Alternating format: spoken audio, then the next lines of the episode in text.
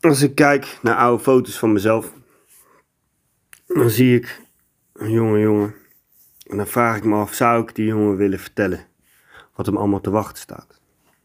Weet je, je hebt zo'n lange weg te gaan. Zoveel pijn staat je nog te wachten. Fysiek, mentaal, spiritueel.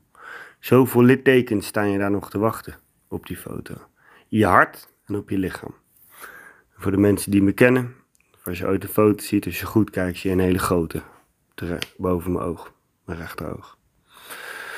Maar ook zoveel lol en zoveel mooie dingen staan je nog te wachten.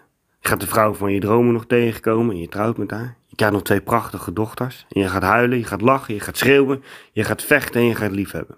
En uiteindelijk ga je doen wat je doel is in dit leven. Waar het niet met een hele grote omweg. Maar wat ik ook zie in die oude foto's is dat wat me overal doorheen sleept. De attitude. Neus omhoog en ik weet het beter. Of dat waar is, dat moet toen nog blijken. Maar die oude foto's die staan symbool voor mijn leven. Hoe ik was en hoe ik nu ben. Als yin en yang, zonder slecht geen goed, zonder wit geen zwart. En as above, so below. Tegenstrijdig als maar zijn kan, maar toch niet minder hard.